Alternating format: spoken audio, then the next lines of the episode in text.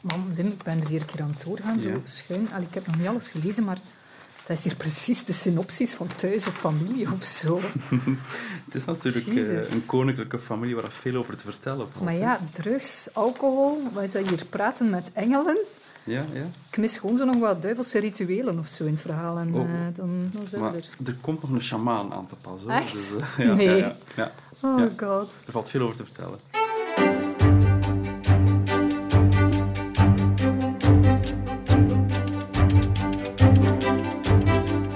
Ze houdt van kickboksen, ze is surfkampioene en ze is niet echt op haar mondje gevallen. Over wie hebben we het, Wim? Over prinses Ingrid Alexandra van Noorwegen. Ze is nog maar 18 jaar, maar ze draagt al de verantwoordelijkheden van een koningin. Intrigerend. Ik ben Elke Gieselen. Bij mij zit Wim de Handschutter, royalty-expert van het Nieuwsblad. En dit is Koninklijk Bloed.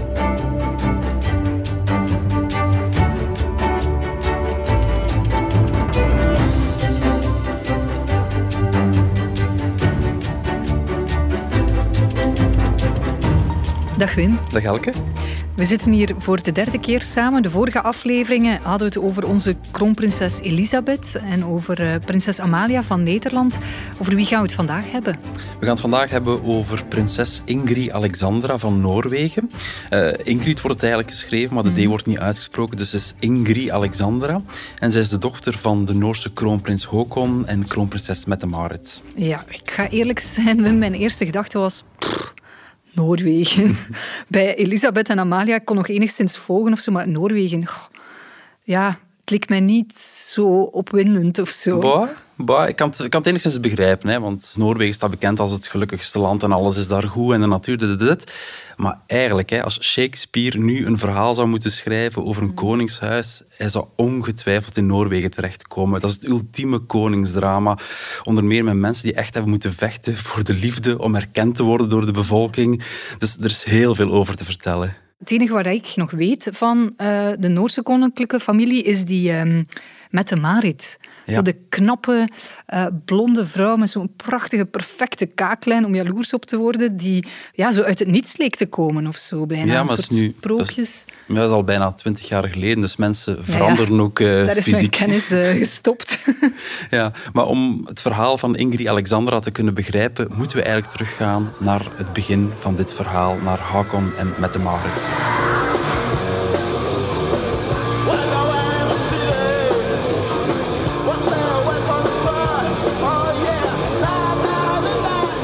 Klinkt niet echt als een koninklijke setting. Nee, we zijn ook op een muziekfestival, eh, het Quart Festival. Dat is zo'n beetje het Ja. rockwerchter van Noorwegen, het grootste muziekfestival.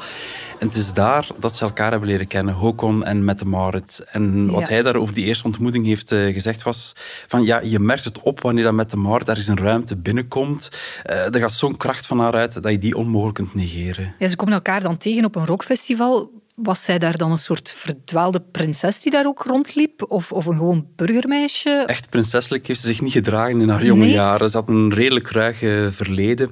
Ah, Eh, oh, ze, was de dochter, ja, ze was de dochter van een man die verslaafd was aan alcohol. Eh, ze was geen briljante student. Ja. Ze zat meer in, het, eh, in de nachtclubs in Oslo dan op de schoolbanken. Ze Mm. heeft geen diploma binnengehaald.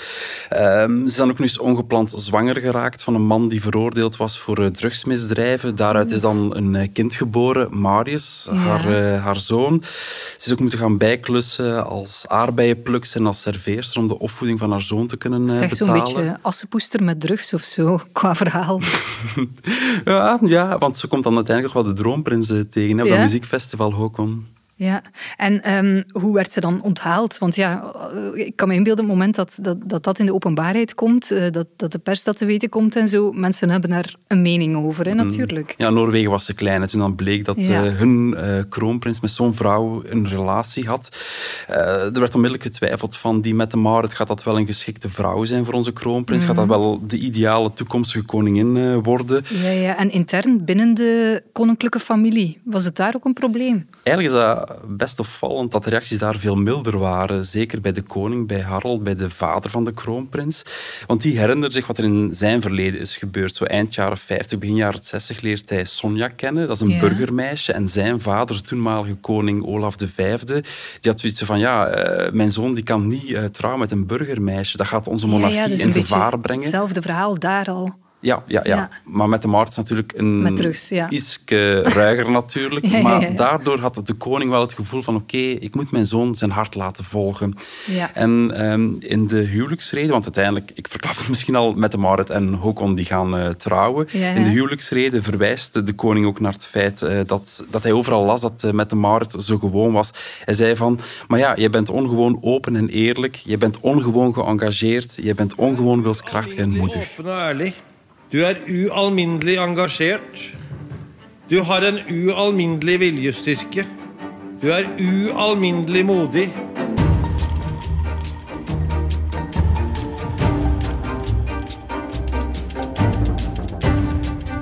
Oké, eventjes terug naar de nieuwe generatie eh, van royals die eraan komt. Want dat is toch het onderwerp van deze podcast. Ingrid Alexandra. Ehm, haar moeten we nog een beetje leren kennen. Hè? Met de Marit en Håkon, haar ouders, die hebben we gehad. Wie is zij? Eh, Ingrid Alexandra wordt in januari wordt die 18 jaar. Dus ze is dezelfde generatie als eh, Amalia en Elisabeth. Ze zit in het laatste jaar van de middelbare school en in haar vrije tijd is ze wel behoorlijk eh, actief. Doet ze veel aan sport. Ze skiet graag. Ze doet aan kickboksen ook. Kickboksen. Ja, ja, dus ja, best een heftig meisje, stoer. Ja, leuk. Ja, en niet alleen maar kickboksen, ook watersport. En ze is best wel getalenteerd, want in 2020 is ze ook nationaal kampioen in Noorwegen geworden. ehm, bij het- in het surfen bij, bij de junioren. Ah, tof. En dat mag. Allee, ze mag daaraan deelnemen dan. Ik denk dat haar vader en haar grootvader haar niet gaan tegenhouden. Want eh, als je weet dat die ehm, in het verleden daar ook mee bezig geweest zijn. eh Håkon is een vervent surfer eh, geweest. En haar grootvader, koning Harald, heeft in de jaren 60 en 70 drie keer aan de Olympische Spelen deelgenomen in het zeilen. Dus het zijn allemaal waterratten in de Ja, koninklijke wat een familie daar. coole, coole familie eigenlijk. Ja, wat voor iemand is zij? Is zij ook zo braaf en plichtsbewust, zoals Elisabeth Amalia? Want Nee, nee, ze is eh, stoer en onverschrokken. Ik baseer me alleen maar op de verhalen die haar ouders al in het openbaar hebben eh, Ja. verteld. En daaruit blijkt wel dat zij zo'n meisje is dat niet op haar mondje is eh, gevallen. Ze is eh, wel bespraakt en Ja. ze heeft ook een rijke fantasie. Want haar moeder heeft ooit eens een anekdote verteld waarmee dat ze de lachers op de hand heeft eh, gekregen. Toen dat, ehm, Ingrid Alexandra nog niet kon schrijven, liet ze haar vader kattenbelletjes maken die dan op de ehm, keuken... frigo ja, op de frigo Ja. werden geplakt. En op een gegeven moment had ze gevraagd van... Ik hou van je, mam. Je bent een heel goede vriendin, maar ik wil een kleine sportwagen. Liefst Ingrid. elsker deg, mamma. Du er en veldig god venn. Jeg ønsker meg en liten sportsbil. Hilsen Ingrid. En het, zo de rebelse uh, kant van haar moeder, zit die ook een beetje in haar? Ehm, een beetje wel, inderdaad. Eh, met de Maart heeft gezegd, in mijn jeugd ehm, heb ik het echt wel uitgehangen. Eh, ik heb zelfs mijn haren helemaal afgeschoren. Ik heb mijn moeder tot de wanhoop eh, gedreven.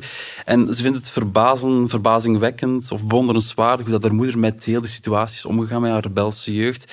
Zij zal het er iets moeilijker mee hebben als, als haar dochter het echt, echt, echt, echt zou uithangen. Dus eh, ik denk niet dat eh, Ingrid Alexandra met drugs en dergelijke naar huis mag komen Ze zijn heel close, mama en dochter. heel, heel, heel close, kan ik wel eh, zeggen. Ja. En die band is alleen maar sterker geworden, want in 2018 is er bij Mette Marit longfibrose vastgesteld. Dat is een aandoening waarbij littekenweefsel in de longen ontstaat. En dat is een ongeneeslijke ziekte. Ja, en wat betekent dat dan voor haar? Als die ziekte in een laat stadium zou vastgesteld eh, worden, Ja. zou dat betekenen dat de levensverwachting nog twee à drie jaar is. Maar het geluk tussen aanhalingstekens in dit geval is dat het in een eh, vroeg stadium is ontdekt. Maar alleszins, heeft wel een grote impact op het leven van eh Mette Maart. Ze kan niet alles niet meer doen zoals ze Ja, ja, wil. ja. Ze moet heel vaak activiteiten afzeggen of ze kan er niet bij aanwezig zijn. Oei, dan is ze een risicopatiënt nu ook in, in de coronapandemie. Mm. En dat is het ook zo. Hè. Eh, En daarom was er ook heel grote paniek afgelopen zomer, want toen is er bij Ingrid Alexandra het coronavirus vastgesteld. Dus grote paniek in eh, Noorwegen. Maar aan de andere kant heeft met de Marit die eh, coronacrisis ook aangegrepen, of zo als een soort van rustpunt eh, genoemd in haar eh, leven. Ze kon op dagen dat ze zich slecht voelde, moest ze zich tegen niemand verantwoorden, eh, dat ze zich slecht voelde, dat ze gewoon rust wilde nemen, want ja, er waren geen activiteiten gepland. Dus die coronacrisis kwam voor haar eigenlijk ja, bijna op een, op een goed moment.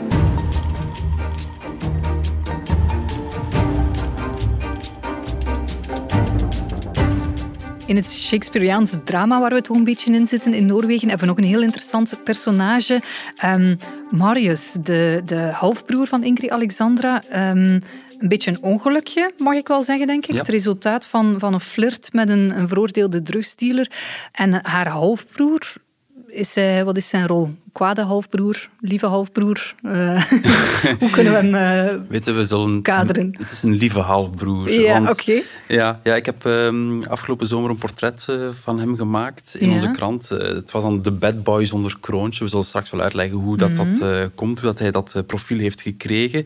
Maar de relatie tussen halfbroer en halfzus is echt wel optimaal. Die twee die komen heel goed met elkaar overeen. Ik heb ook gesproken met Noorse collega's, met Ja. royalty watchers daar. En die zeggen van ja, als die eh, buiten komen, die maken grapjes, die lachen uitbundig, ze lachen elkaar ook. Ja, ja, en met zijn eh, pluspapa moet ik dan eigenlijk zeggen, hè? met prins Haakon. Hoe zit het daar? Ook daar is het eigenlijk best een heel goede relatie. En eh, de kroonprins heeft daar ook heel veel positieve commentaren op gekregen. Want hij heeft Marius echt aanvaard als zijn eigen vlees en bloed, als zijn zoon.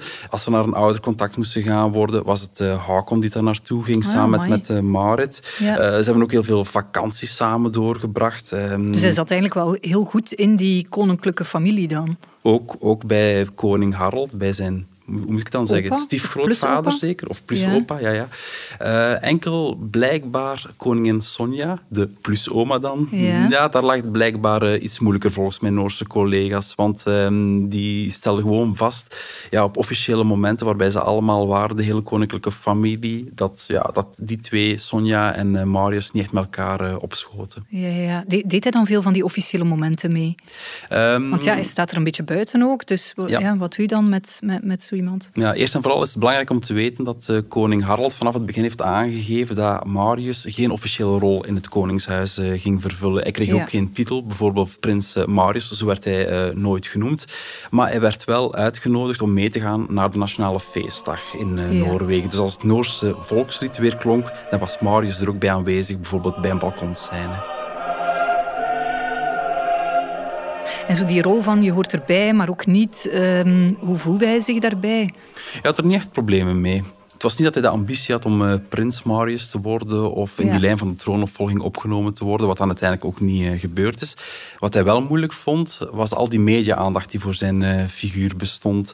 Want er was altijd wel een verhaal dat over hem verteld kon worden. Ja, is dat die bad boy waar je daarnet ja, al... nu komen we bij de bad boy Ja. terecht. Want de Noorse media hadden altijd wel een verhaal over hem te vertellen. Bijvoorbeeld zijn schoolresultaten. Ja, dat was een beetje zoals zijn moeder met de Marit. Dat was niet echt de briljante student. Mhm. Eh, had ook eens het plan opgevat om luxe producten te verkopen. Tweedehands producten waarschijnlijk uit zijn eigen eh, kast. Ja. Heeft hij op een tweedehands website eh, gepubliceerd. En het adres dat daarbij vermeld was, was het Koninklijk Paleis in Oslo. Nee. Oké, dus zo de, de vintage-bezorgers of Zalando-bezorgers, of wat is het allemaal?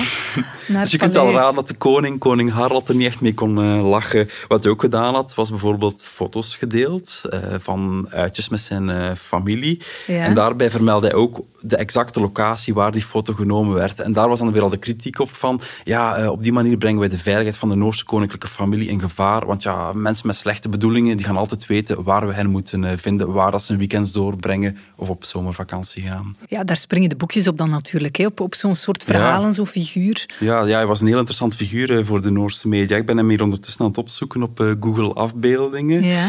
Voilà, hier Thomas? is hij. Een echte posterboy. Surfers Ah, dude. ja, ja, ja, de blonde zo. haren met shell achteruit gestreken. Ja, ja, en de Afge- kaaklijn van, eh, van zijn moeder. Hè. Zo. En ook belangrijk, misschien een afgetraind lichaam met eh, sixpack. Niet voor niks werd hij de Leonardo DiCaprio van Noorwegen genoemd. Ja, ja, ik snap de covers wel.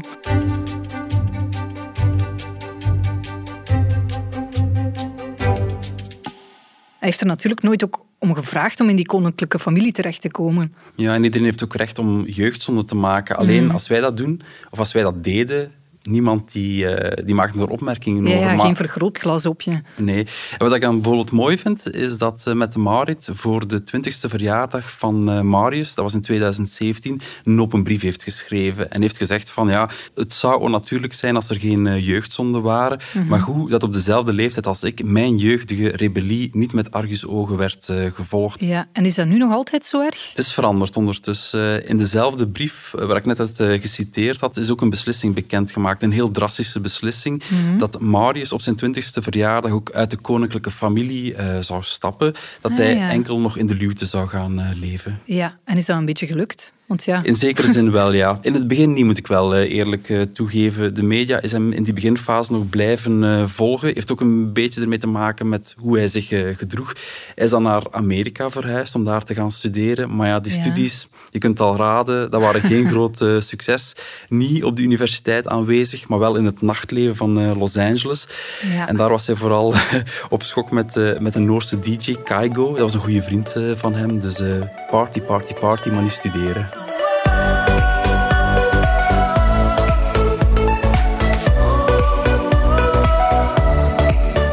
Ja, ja, dat blijft interessant natuurlijk voor de boekjes om te volgen. Ja, ook En- omdat hij die studie niet volgehouden heeft. Ja. Na een jaar is hij ermee gestopt. Ehm, heeft hij, hij had op dat moment een relatie, heeft die relatie afgebroken en is dan gedesillusioneerd teruggekeerd naar Europa. Ja, en dan werk gezocht of zo? Of, of wat, wat, je Werk dan? gezocht, Ja. maar ook opnieuw een brokken eh, parcours. Hij is eerst in Milaan terechtgekomen. Daar heeft hij stage gelopen bij een modeontwerper, bij Hmm. eh, Philippe Line, een heel bekende modeontwerper. Daarna is hij naar Londen verhuisd, omdat hij daar eh, aan de slag ging als lifestyle-redacteur. Dat blad is dan failliet gegaan. blijven duren, ja. Dat is geen lang leven beschoren. Eh faillissement bij dat blad is hij naar Noorwegen verhuisd. In eerste instantie heeft hij daar in een bouwbedrijf gewerkt. Weer Maar- totaal andere sector. Ja, heeft hij niet volgehouden. Is dan bij een app terechtgekomen dat zich bezighoudt met het eh, nachtleven. En nu lijkt het erop dat hij eindelijk de rust in zijn leven heeft eh, gevonden. Want hij heeft nu ondertussen een vriendin, weliswaar een Playboy-model, een ander schandaal dat toen eh, veroorzaakt is. Maar bij haar heeft hij blijkbaar ja, de, de grote liefde gevolgd. En heeft ook een job gevonden die blijkbaar helemaal bij hem past. Want hij werkt tegenwoordig in een garage. En hij sleutelt nu aan, aan motoren. Ja. Oké, dus dat was de halfbroer als personage. We hebben nog interessante personages. Hè?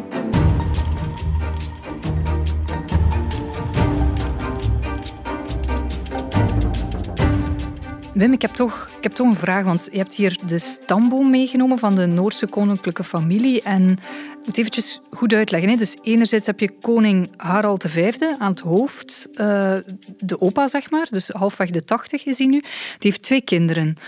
Martha Louise, 50 jaar, over haar hebben we het nog niet gehad, eh, denk ik. En dan eh, prins Haakon, 48 jaar, waar we al ja, verschillende keren naar verwezen hebben. Maar dus die Martha Louise, die is eigenlijk de oudste van de twee kinderen. Waarom is zij dan niet de troonopvolgster geworden? We hebben al verwezen naar eh, Shakespeare, hè, dat de Noorse koninklijke Ja. familie één groot koningsdrama was. Dus je moet je voorstellen, Martha Louise die wordt geboren. Ja? Grote paniek in het paleis Waarom? en in het parlement, want ze is een vrouw.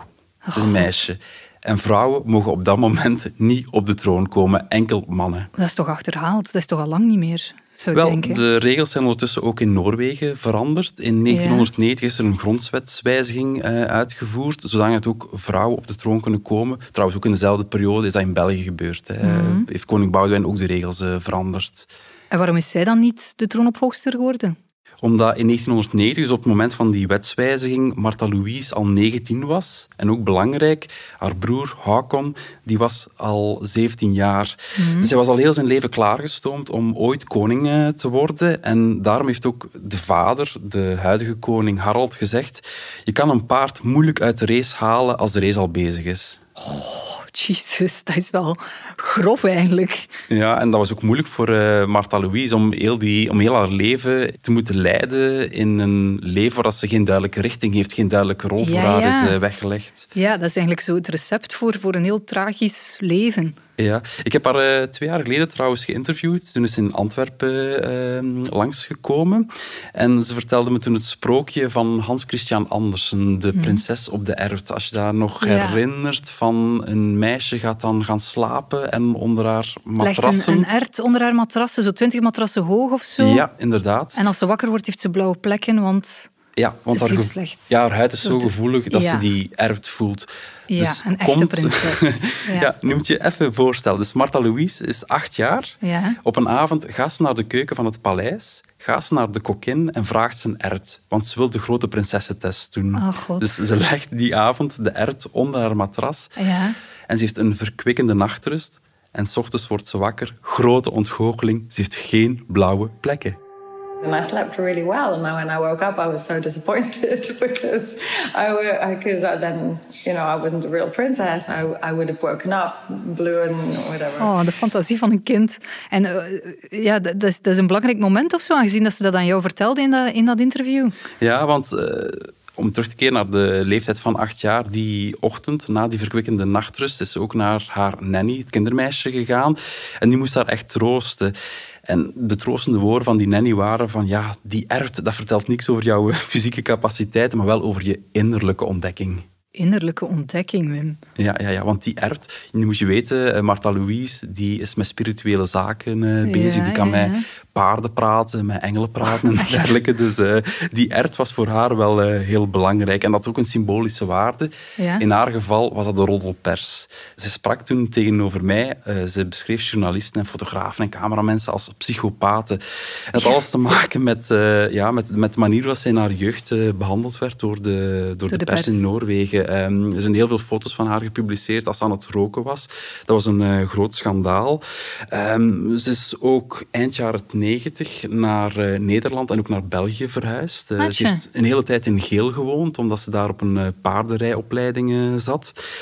En heel opmerkelijk, er is blijkbaar een fotograaf vanuit Noorwegen ook naar België verhuisd om haar constant te volgen. nee. Dus die vrouw is nooit meer rust gelaten Ja, ja, geworden. ja. Och, dat doet me zo denken aan zo Britney Spears. Allee, als je daarvan hoort, zo die foto van Britney met een paraplu die een, een ruit Ja. inslaat. eh, Maar dat heeft ze ook gedaan. En niet, niet met een paraplu een ruit ingeslagen, Ja. maar ze heeft haar middelvinger naar die fotograaf uitgestoken. En je kunt al raden wat eraan gebeurt. Die foto verschijnt op alle Noorse Ja, voorpagina's. En ja, haar vader, koning Harald, was in alle staten eh, natuurlijk. terwijl dat gewoon logisch is dat je zo opgejaagd wordt. Hè.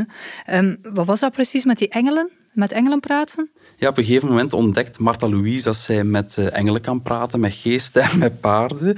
En ze is dan ook de wereld rondgetrokken om die theorieën te gaan eh, verkondigen. Ze is ook in Vlaanderen eh, terechtgekomen om met Ingeborg, met zangeres en ook spirituele geest te gaan, ehm, te gaan rondtoeren. Ze heeft zelfs een engelenschool opgericht. Dat werd dan in Noorwegen weggezet als je reinste oplichterij. Dus, ja, lijkt ehm, mij ook wel. ja, ja, ja. En om het verhaal helemaal af te maken, enkele jaren geleden heeft ze ook ontdekt dat ze hoogsensitief is. Dus vandaar dat ze zo blijkbaar eh, zo goed kan, eh, kan praten met engelen.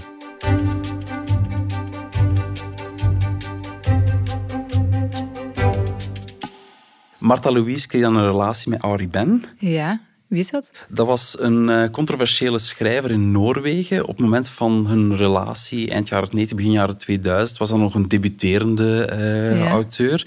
Maar die was meer bekend om wat hij in het nachtleven deed dan wat hij op papier eh, zette. Hij werd getypeerd als een hippie, een wietroker, een golddigger. Iemand die gewoon prinses Martha Louise gebruikte om er zelf beter van te Ja, worden, ja, om bekend te worden. Paniek in het paleis waarschijnlijk. Dat is nog zacht uitgedrukt. Hij werd de schoonzoon uit de hel genoemd.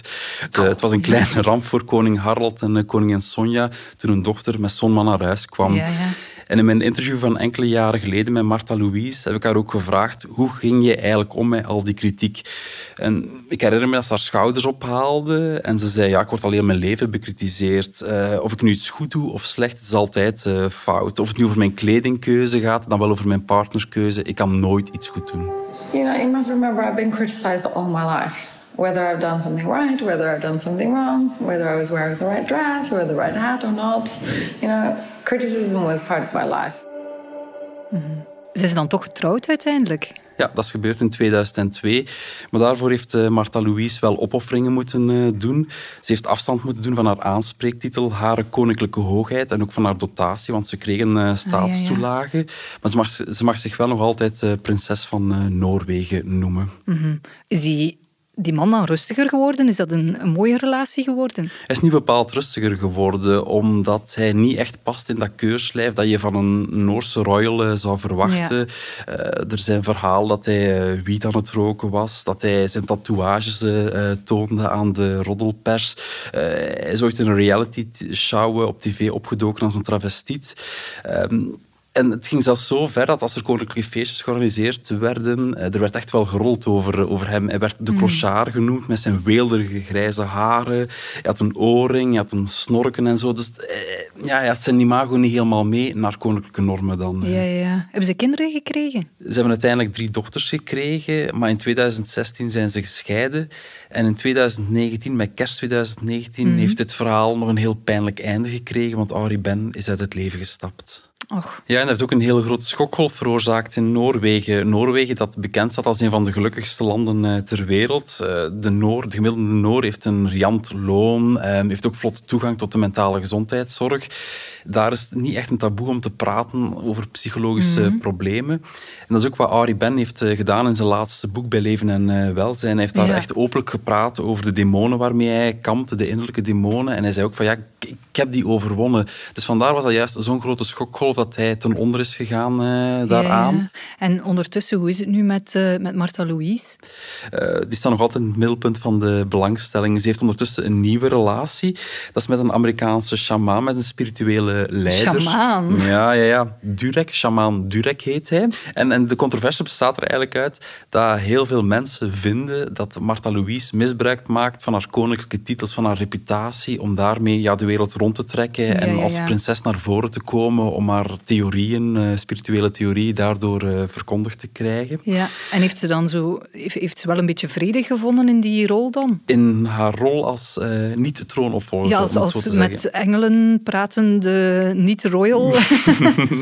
Ze is vooral blij dat haar broer nu de troonopvolger is, of altijd de troonopvolger is geweest. Zij vindt dat hij uitermate geschikt is voor de job die hij moet uitoefenen.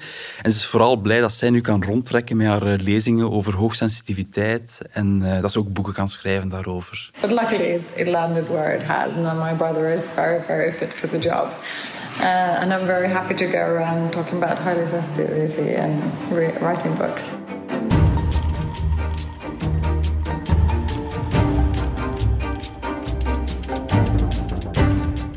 Ingrid Alexandra is eh, tweede in lijn voor eh, de troonopvolging na haar vader.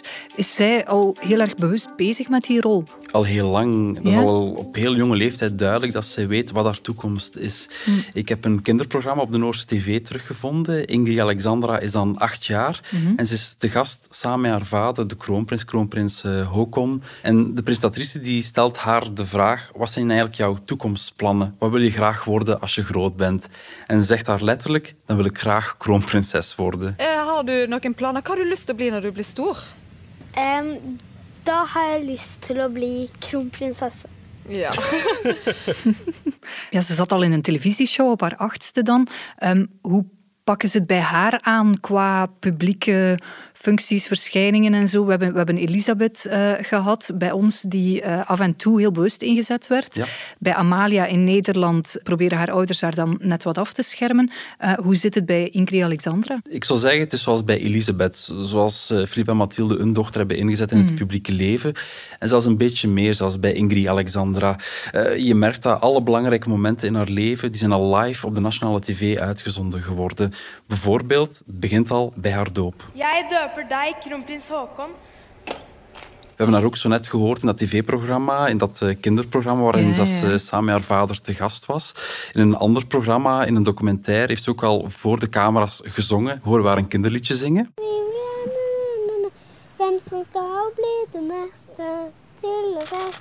Ja, bravo! Nå var du kjempeflink. Ze ontstak bij de Olympische Winterspelen voor de jeugd ook de Olympische vlam bij de openingsceremonie in Lillehammer. And here she is. Sa Majesté la Princesse Ingrid Alexandra. Her Royal Highness. Maar serieus kinderarbeid eigenlijk. Ja, ik had nog lang kunnen doorgaan met dat lijstje. Ja? Dus, eh, maar je moet het niet als kinderarbeid zien, denk ik. Het is ook over een leven van 18 jaar natuurlijk. Hè. Ja, ja, ja, Het is een indrukwekkend lijstje, maar je moet ook in perspectief bekijken. En gaat daar nog veel veranderen of komt daar nog veel extra werk bij als ze dan 18 wordt? Eh, er kan voor haar wel heel veel veranderen. Eh, het kan misschien zijn dat ze nog sneller dan Elisabeth en Amalia ingezet gaat worden in dat koninklijk bedrijf. Mhm. Want we hebben al het verhaal gedaan ehm, van haar moeder die dan die chronische ziekte heeft, Mhm. die daardoor niet alle activiteiten gaat kunnen doen. Haar grootvader, koning Harald V, die is ook halfweg eh, de 80, die sukkelt met zijn gezondheid. Haar tante Martha Louise, waar we het al over gehad hebben, ehm, die heeft ook voor een ander leven gekozen, Ja. gaat misschien naar Amerika verhuizen. Ja. Dus je voelt gewoon aan dat ze wel eens ingezet zou kunnen worden in dat koninklijke bedrijf om bepaalde taken uit te oefenen. Ja, missies en dingen openen en, en wat Ja. is dat dan? ja, soort en dat is een dingen. dilemma natuurlijk hè, voor eh, kroonprins Haakon en eh, kroonprinses Mette Marit. Want aan de ene kant willen ze er wel voor zorgen dat eh, Ingrid Alexandra toch nog weer al eens die normale ehm, adolescentie heeft. Aan de andere kant, stel dat de grootvader onverwacht snel overlijdt of troonsafstand moet doen omwille van zijn gezondheid, ja, ehm, ja, dan gaat zij wel echt in de spotlights moeten eh, komen. En met een moeder die dan zo zwaar ziek is, ja, dus Dan wordt zij een beetje first lady eigenlijk. wordt zij de first lady van eh, Noorwegen onverwacht Ja, snel. ja, ja. Oké, goed dat we haar al dan een beetje hebben leren kennen. Ehm, over wie gaan we het volgende week hebben? Dan gaan we naar Japan en dan gaan we het over prinses Aiko hebben. Dat is het enige kind van keizer Naruhito. En haar grote probleem is dat het geen jongen is. En in Japan is dat een veel groter probleem dan het ooit is geweest in België en in andere landen. Oké, ik ben benieuwd. Dankjewel, Wim. Graag gedaan. Dit was Koninklijk Bloed, een podcast van het Nieuwsblad. De stemmen waren Wim de Handschutter en ikzelf, Elke Giezelen. De montage gebeurde door House of Media. De productie was in deskundige handen bij Bert Heijvaart.